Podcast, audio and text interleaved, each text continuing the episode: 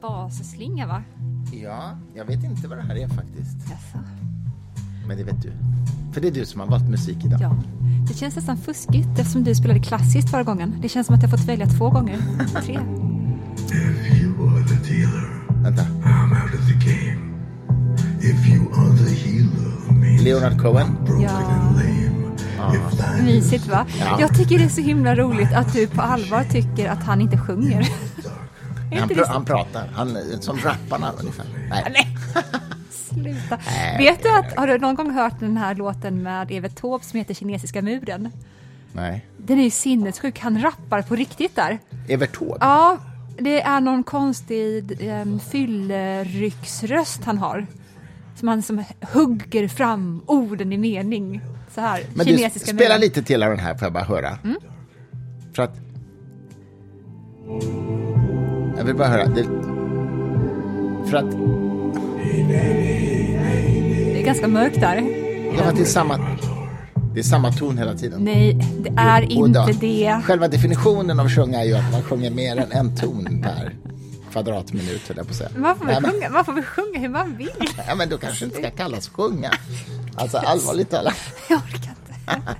Jag- vet du att Mm. ehm, han var, jag höll på att säga inspärrad, det var han ju inte, att han checkade in sig själv frivilligt på ett zen-kloster i någonstans på västkusten och han var där i nästan nio år.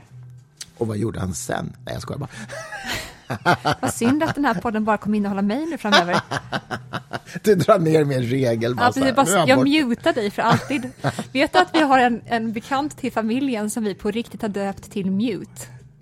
Att Nej. han aldrig säger någonting. Vem är det? Det kan jag inte Nej, säga. det, det är klart du inte kan. Förlåt. Eh, Okej, jag The, får... det- det the Mute kallar vi honom. The Mute. Okej. Nej, men han checkade in på det här, Cohen då alltså, Ja. på det här sen, eh, klostret säger man kanske inte då. Var någonstans? Någonstans på västkusten i USA. Och sen när han kom ut därifrån då, efter att ha haft väldigt lite kontakt med omvärlden, då fick han ju veta att hans eh, manager eller revisor hade eh, blåst honom på alla sin, hans pengar. Nej. Och det måste ju vara, om, om man har varit inom sen så pass länge, då måste man nästan se på den händelsen som en gåva. Och att det är på något vis eh, slutprovet för honom. Eller hur? Därför att ifall du fortfarande blir så djupt, djupt förstörd av att inte längre ha ekonomiska resurser, då har ju inte sen gjort sitt med dig. Ordentligt i alla fall. Well, det är möjligt, men det är Nej, men detta- fortfarande jag- ett jag- otroligt övergrepp. Nej, men jag säger så här, alltså detta är enligt sen. Ja, ja, okej. Mm. Du kallar det för ett övergrepp, absolut. Men eh, det finns ju andra sätt att se på det också. Eh, till exempel de bästa låtarna skrev ju han efter det. Mm. Därför att han fick börja från början igen. Och jag tror att det var, ja men det finns inget bra Jag uttryck för det på svenska, det kallas ju för blessing in disguise. Mm. Men man kan väl ändå säga att det var ett övergrepp alldeles oavsett om det kom honom till godo på ett antal sätt. Jag vet, övergrepp, är det rätt ord apropå att eh, det, det kan inte Eller heta, det kan inte heta, heta miljökatastrof om det är på Mars och ingen är där. övergrepp är ju en värdering i faktiskt. Okej, men en omoralisk handling ur, ur den som gjorde dess perspektiv i alla fall. Ja, det var, det var en amoralisk handling, precis. Ja. Det var det ju. Eller omo- jag skulle säga att den är omoralisk, den är inte, den Ja. är inte moraliskt neutral. Det är objektivt, så är det verkligen så. Men eh, de, inte för att liksom bli Tony Robbins på er, men Nej, det, är, det är fortfarande så att de som fortsätter att muttra över vilket övergrepp någonting var allt för länge, då är det bara ett eh, övergrepp de fortsätter att göra Ja, med sig själva. ja, men det, ja, det håller jag med om. Även om jag då tycker det är kanske delvis annan sak. Men jag tror verkligen att du har rätt i att råkar man ut för någonting som är moraliskt felaktigt så kan det också ha goda konsekvenser. ja, så är det. Det måste precis. inte ha det, eh, och det har det inte alltid, Nej. men det kan ha det. Och nu menar jag såklart inte sådana saker som sexuella Nej, nej, övergrepp. nej, nej. Det är övergrepp, det, det är är alltid ett övergrepp. Men uppenbart. Mm. även där finns det väl någon form av eh, tid för ja, olika vallar man går igenom Mm. tror jag i bearbetningsprocessen. Man är ju inte i samma akuta trauma panik som Mm. det första året, som kanske efter 25 år. Ja, I vissa situationer då såklart. Det är en Men- resa hur som helst. Men jag tror Allt. att, jag tror att min, e- min egen livserfarenhet, och och då ska inte jämföras överhuvudtaget med den här typen av traumatiska upplevelser, men bara att man skiftar fokus i livet, i, i alla fall i mitt fall, har ju ibland inte alltid varit en självvald förändring, utan till exempel i slutet av 90-talet när jag då var liksom så här IT-profil och höll otroligt mycket föreläsningar om IT och fick väldigt mycket betalt för det. Och så här. Det tvärdog, det upphörde liksom över en natt när IT-bubblan sprack. Och då var jag i ett sånt läge att jag liksom, shit, vad, vad ska jag göra nu? Och då satte jag mig ner och var kreativ, kommer jag ihåg, under ett par, tre månader och började skissa på andra föreläsningskoncept och så. Bla, bla, bla. Jag ska inte trötta lyssnarna med det, för det är inte det som är poängen. Men poängen är att själva, själva den, väldigt snabba, omvänd, snabba förändringen ifrån att vara väldigt efterfrågad som föredragshållare på ett visst ämne till att vara noll efterfrågad på det ämnet.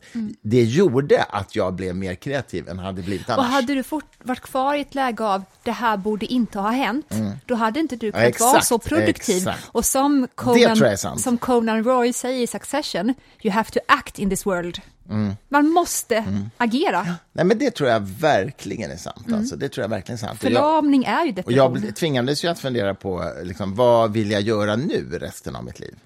Och, och det ledde ju bland annat till att, att jag startade Fri Tanke förlag. Så, att det var, liksom, så i den meningen så, så var det ju positivt. Att, Ja. Jag är ju av den uppfattningen att psyket har en sån metabolisk process så att när vi blir utsatta för någonting, då går psyket igenom, för alla människor i alla Mm. kulturer, i alla tider, en ganska liknande resa helt enkelt. Eller den, den utsätter, Mm. det utsätter jaget för likadan resa. Och det som jag tror att vi endast kan göra med oss, det är att inte stå i vägen för den processen. Mm. Och grudge, eller att tänka hur någonting borde ha blivit istället och så, det är att stå i vägen för den processen, då psyket, tror jag, läker sig självt. Det kan ta tid och det gör det. Och sen så finns det för många människor, precis som det finns fysiska skador, så finns det skador i psyket som gör att läkningsprocessen behöver hjälp. Ibland av medicin och ibland av samtalsterapi och sådär. Har du haft något sån där äh, omvälvande punkt där du har liksom valt en ny riktning som du vill prata om? Du be- behöver ju inte. Det är så svårt för jag har ju alltid vetat vad jag ska göra. Däremot så har jag ju varit med om uppbrott såklart. Och jag har, eh, om, jag har varit väldigt, om jag får vara självgod, bra på att inte ha något problem med att börja om. Jag har aldrig haft problem med att säga, eh, jag lämnar allt. Jag börjar om från fullständigt noll på alla sätt. Och jag väljer ensamhet och jag flyttar till och med.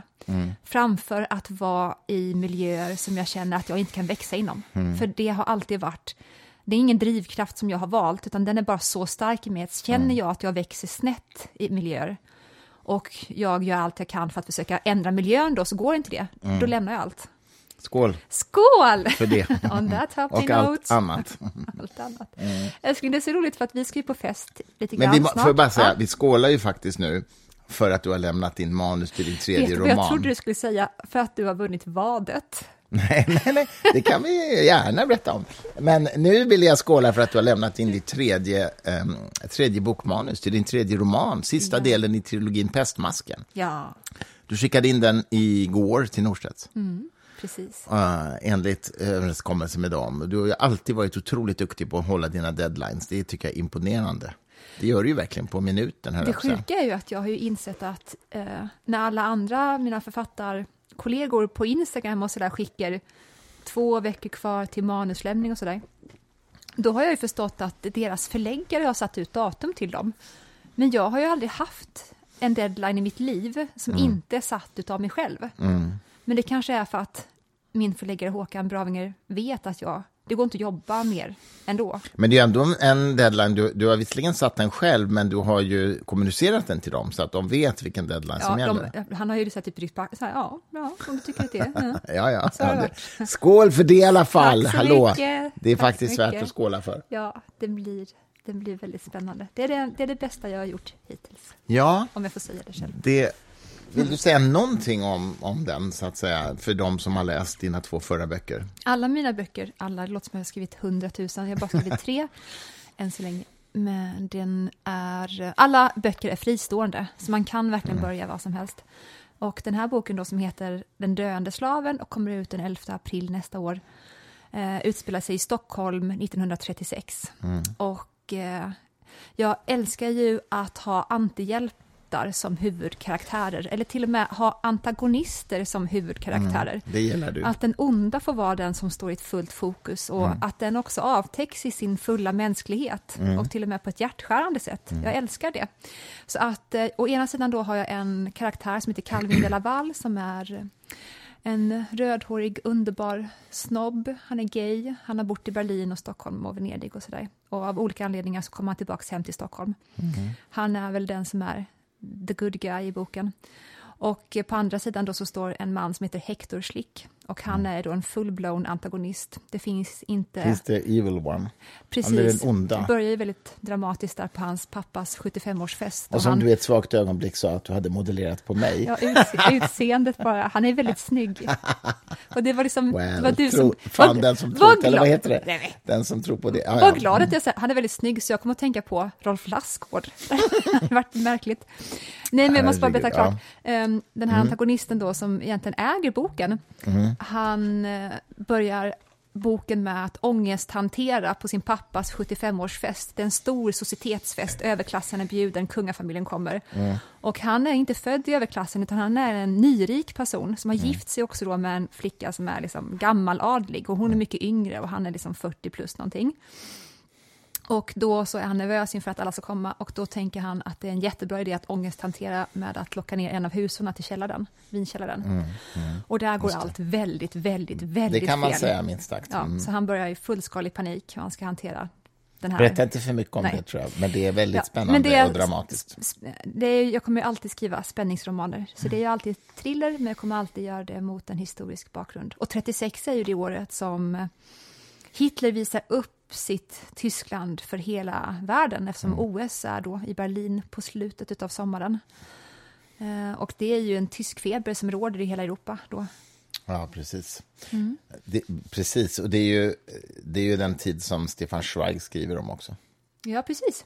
Vi började kolla nu på schack. Vi börjar kolla på den här filmen som heter Schack efter hans novell Chess, som ju börjar precis dagarna innan eh, Anschluss, alltså innan eh, Ös- eh, Österrike annekteras av Tyskland. Och det är ju den tiden du, du skriver om. Ja. Eller lite innan i och för sig, men ja.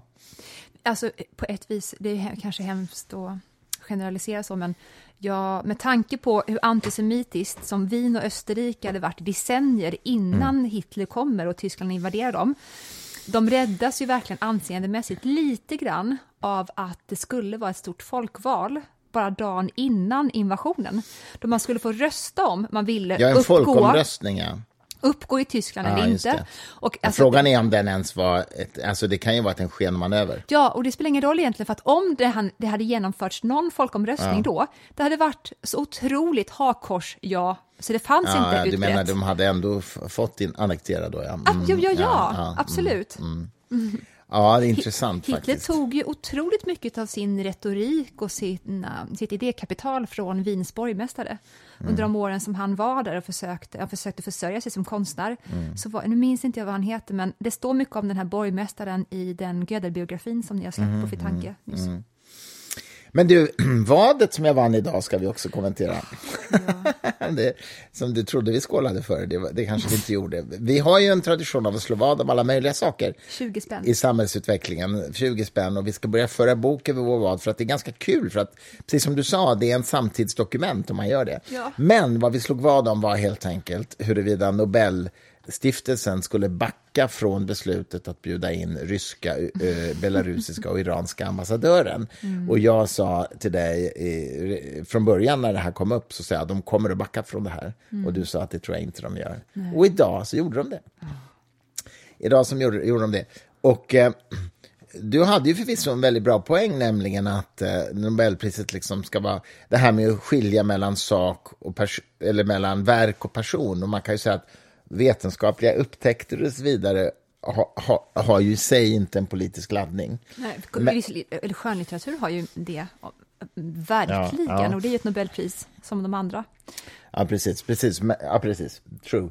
Ehm, eh, men när det gäller de andra naturvetenskapliga prisen så, och ekonomipriset får man nog också säga har det inte det. Men, men eh, min hypotes var ju helt enkelt att eh, reaktionerna kommer bli så starka så att det kommer utebli allt för många från Nobelfesten för att eh, stiftelsen ska helt enkelt kunna finna sig i det. Och, och det var ju mycket riktigt så. Det började ju med några ganska lätt förutsägbara partiledare. Men sen började då statsministern säga jag har inte bestämt mig om jag ska gå. Och man fick till och med signal från kungahuset att det här tycker vi är jätteproblematiskt. Och du vet, tänk dig om kungen säger så här, nej jag kommer inte dela ut eh, Nobelprisen i år, jag vill inte vara med där. Eh, vilket i och för sig, det där är intressant för kungahuset får ju inte ta politisk ställning heller. Så det kanske han inte hade kunnat säga. Ja, men, han, är inte- signalerade att det var... Livegen till Nobelkommittén är han ju inte. Nej, nej, det är han förvisso inte. Han skulle kunna vabba den dagen kanske. Ja, just det. Tvätten För barnbarnen i alla Ja. fall. men eh, men eh, bara att signalen från hovet kom att det här tycker vi inte var riktigt vettigt. Mm. Eh, Ja, till slut så kastade de in handduken helt enkelt. Och det kom ju bara nyss innan vi började podda att de eh, nu inte kommer bjuda in de här tre ambassadörerna. Mm, Så det vadet vann jag. Det gjorde du faktiskt. Vi slog ju av dem en annan sak och det var ju om Kristersson skulle gå eller inte, statsministern, givet att de inte drog tillbaka det här. Men det vadet fall, Mm. Det faller ju då, så att säga. Mm. Jag blir ju också lite oroad över att alla galningarna bara har varandra att umgås med. Som man brukar säga inom de, de som jobbar med brottsbekämpning, en ensam, en ensam man är en farlig man. Och eh, även ifall jag förstår helt 100 procent varför man inte vill ha Ryssland närvarande på den här kvällen då man ska fira det goda som mänskligheten har frambringat, ironiskt nog då tack vare dynamiten. De pengarna som Alfred Nobel då fick Ja, det. Ja, Så det. är ju, det är ju redan där egentligen en, en komplex sak. Ja. Men just att, eh, nej men ifall vi bara skapar sådana här bubblor i samhället där eh, alla goda är för sig och alla då inom citationstecken onda är för sig. Jag är också orolig för det. För inte minst för att jag verkligen vill veta vad ondingarna tänker och jag vill höra vad de säger. Det är bra att hålla koll på vad de säger och tänker, faktiskt. Jo men, jo, men jag håller med om det. Och jag tycker också att eh, vdn för Nobelstiftelsen hade ett bra argument när han sa vi vill bjuda in dem till fredsprisutdelningen, alltså ju fredspriset. Därför att det gjorde de förra året. Mhm. Och de sa så här, då gav vi Nobelpriset till, till eh, ryska dissidenter. Jag kommer inte ihåg detaljerna nu, men det var ju någon eh, journalist, någonting som var definitivt opposed. Liksom. Och eh, ja, man gav helt enkelt pris som definitivt visade att man inte tog ställning för Rysslands agerande.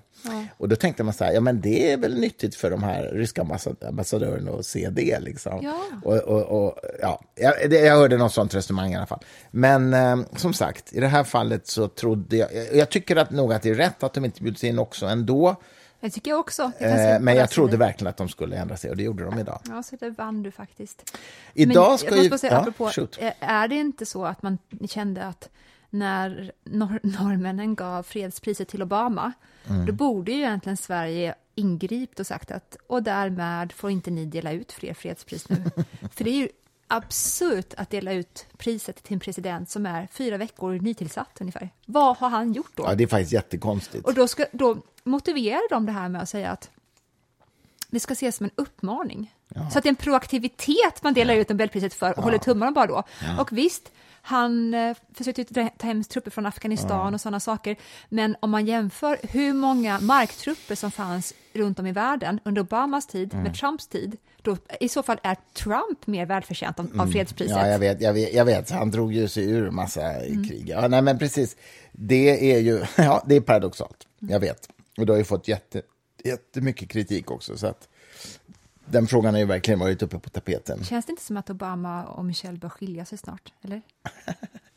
Nej, det, nej, det ser jag ingen indikation på, men du är duktigare på att följa med skvallermedia. Sluta! Nej, nej, det gör jag inte. Jag lyssnade på Michelles hela intervju på Op i Oprahs podd. Och då förstår man att fan vad de har haft det löjligt alltså. Det har inte varit kul. Är det så? Ja, verkligen. Hon är så här super... Eh, hyperintelligent, pluggar jätte, jättemycket. Hon var ju Han är genial i inte så dum skolan. heller, tror jag. Nej, det är nog inte. Men hon är väldigt med, som jag med punktlighet och så. Ja. Och han var så här, ja men jag sa att jag skulle komma hem någon gång ikväll och så är det typ så halv ett på natten och så har hon väntat med barnen och mat och sånt. Han, han hade inga, ingen styrning alls, de verkar Nej. väldigt olika. Nog om det. Du har varit nere i din skrivarstuga i Småland nu några dagar Ja. och hårdlevererat inför manuslämningen. Jag har haft fullt upp med, jag måste få berätta det, för det var faktiskt väldigt intressant. Vi har ju då haft eh, den ryska författaren Mikhail Shishkin här på besök i Sverige. Han är alltså, lever i Schweiz. Han kan inte åka hem till Ryssland för att han är extremt Putin-kritisk. Ehm, men, eh, eh, och hans bok Krig eller fred har vi precis släppt på Fri Tanke då, där han gör en analys av, av liksom den ryska situationen och Rysslands historia och vad som har lett fram till det här. Men, och så gjorde vi ett event med honom eh, då i tisdags. Men det, det var fascinerande att träffa honom. Vi åt middag här hemma hos oss dagen innan, men han är extremt pessimistisk. Och han säger ju en sak som, ja kanske i och för sig, det är väl ingen breaking news, men det är ändå så det blev så konkret när han sa det. Och det, han sa så här att, att eh, ryska folket har i alla tider önskat sig en stark tsar. Det ligger liksom i, i folksjälen, så att säga. Och det som har hänt nu... Putin har ju iklätt sig rollen som stark tsar, men det som har hänt nu är att Putin är en svag tsar, därför att hans krig misslyckas. Han får, skulle göra det här på tre dagar. Mm. Eh, Prigozjin försökte göra uppror och det var jävligt nära ögat. Det var pinsamt. Han, det var pinsamt som fan. Mm. Så Ryssland, eller förlåt, eh, um, Putin är just nu i ryska folkets ögon en svag tsar. Mm. Och då sa Shishkin till oss att eh, ni i väst, ni väntar ju bara på att Putin ska störtas eller någon ska liksom eh, mörda honom i en statskupp.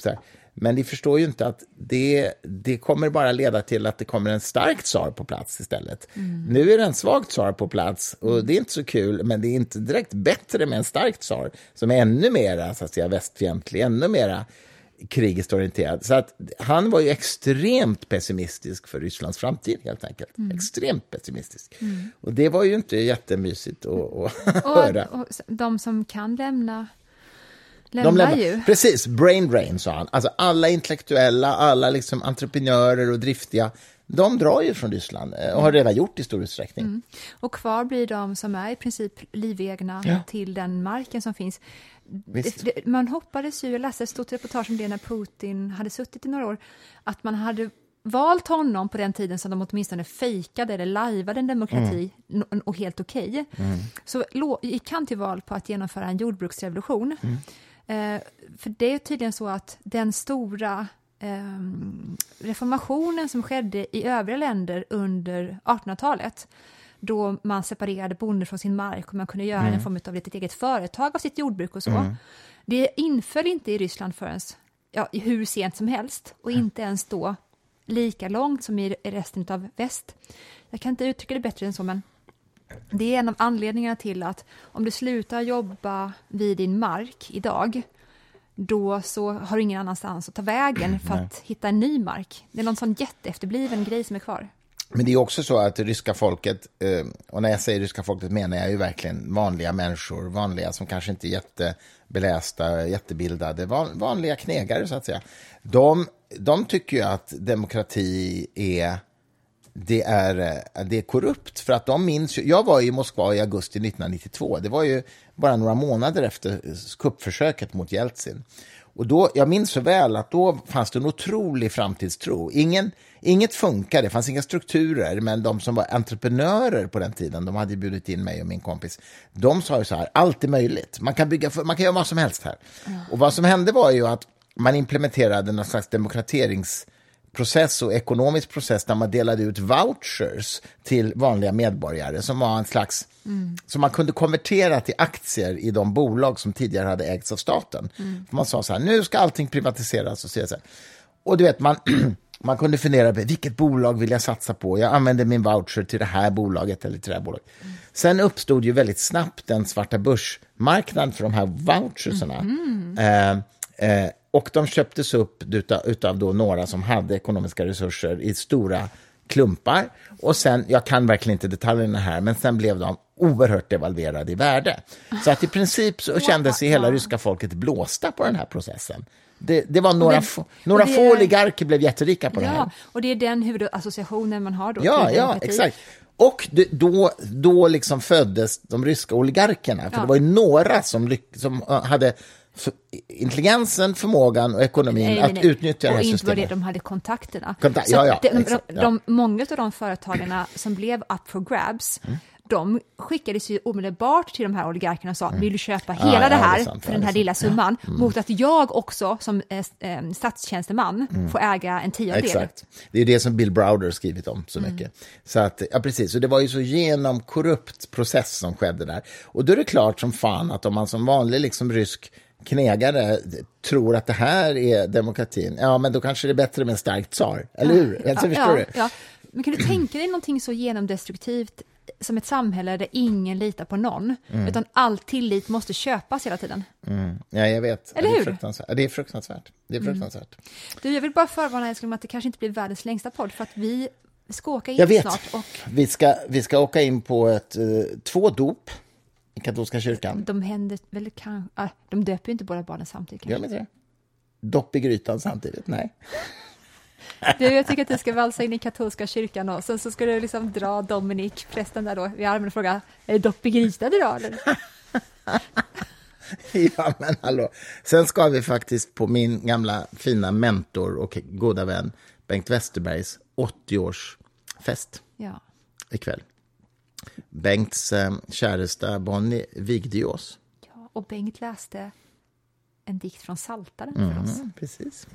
Vi eh, gifte oss ju i Hagström biblioteket, medicinhistoriska biblioteket i, vad heter det? I eh, Hagaparken. Hagaparken, just det. Som är gamla Solna tingshus.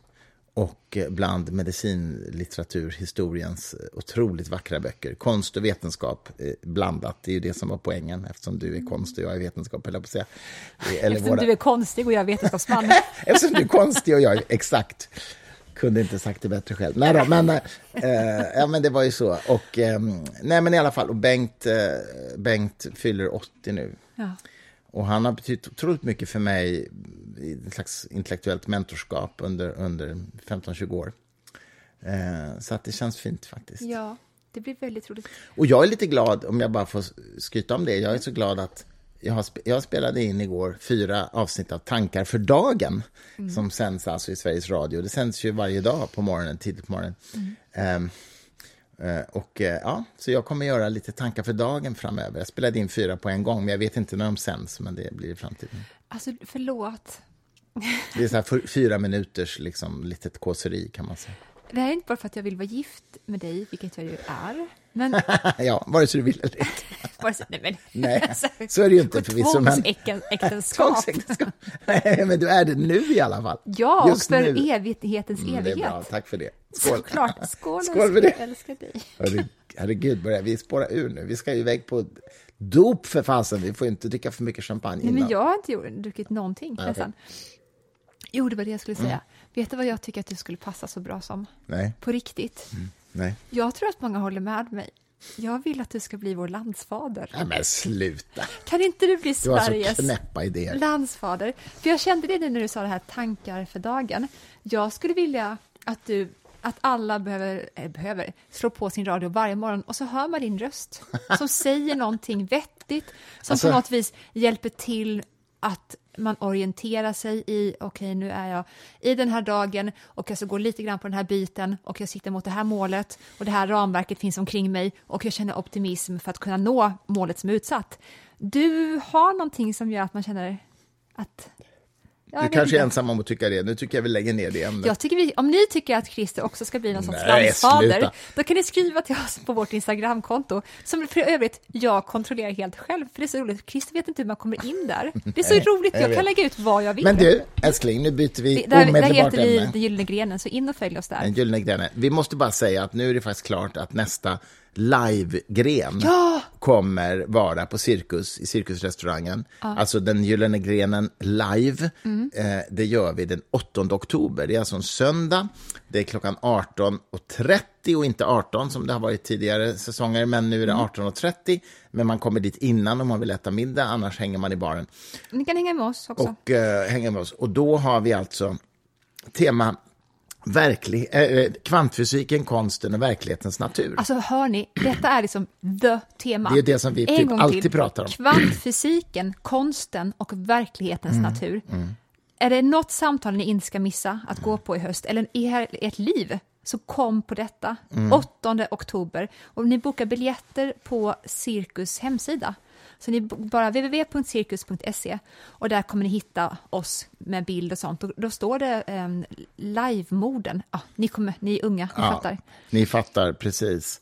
Och eh, ska du berätta vilka gäster vi har? Ja, det- har du det framme där? Ja, det är ju Karolina Enqvist Källgren som Mm. är en otroligt intelligent idéhistoriker. Mm, docent i idéhistoria, precis. och du har poddat med henne. Mm, Kan du finns på berätta lite, hon är den mest, bland de mest spännande människor jag träffat. Berätta lite grann vad det är hon kan. Ja, men hon... Eh, eh, Fri Tanke-podden gjorde jag med henne, som blev, tycker jag personligen, en av de bättre poddarna där. Hon har, forskar alltså specifikt på kvantfysikens relation till, ehm, eller eh, ännu mer detaljerat, Erwin Schrödinger, kvantfysiken, fy, fysikern, en av pionjärerna, han samarbetar med, samarbete med filosofiprofessorn och den katolska prästen Xavier Su- Subari. Subari, eh, alltså 20-tal, 30-tal. Eh, de samarbetade mycket eh, kring hur man ska liksom formulera, vilket språkspel man ska använda för att försöka beskriva vad kvantfysiken säger om verkligheten, kan man säga. Ja, så eh, på vilket vis också då teologin har tillhandahållit Mm. ja, så att vi kan begripa de upptäckter som Mm. gjordes inom kvantfysiken. Ja, precis. Och, så det, det är ett spännande, men vi kommer att prata om det i ganska vid mening. Konst, musik, litteratur har också influerats av kvantfysiken.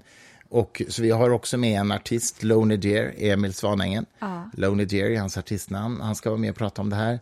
Och eh, allas vår fysiklandsfader Ulf Danielsson, professor i teoretisk filosofi, författare. De tre är våra gäster. Ja. Det är lite mysigt. Bästa temat, bästa Så gästerna. kom för sjutton. Och för er som inte har förstått konceptet så är det så enkelt att vi sitter på en scen, det är två akter. Man Två. kan välja mellan att antingen köpa en barbiljett som inte kostar alls så mycket. Nej. Och det är bara att du får tillträde till rummet och stå och dricka i baren medan vi pratar. Eller så finns det då matbiljett som kostar lite mer, men också väldigt förmånligt. Nej, men det är faktiskt jättekul att göra det här live liksom, och att vi har gäster också. För vår vanliga podd är ju bara du och jag, men här har vi gäster, tre stycken.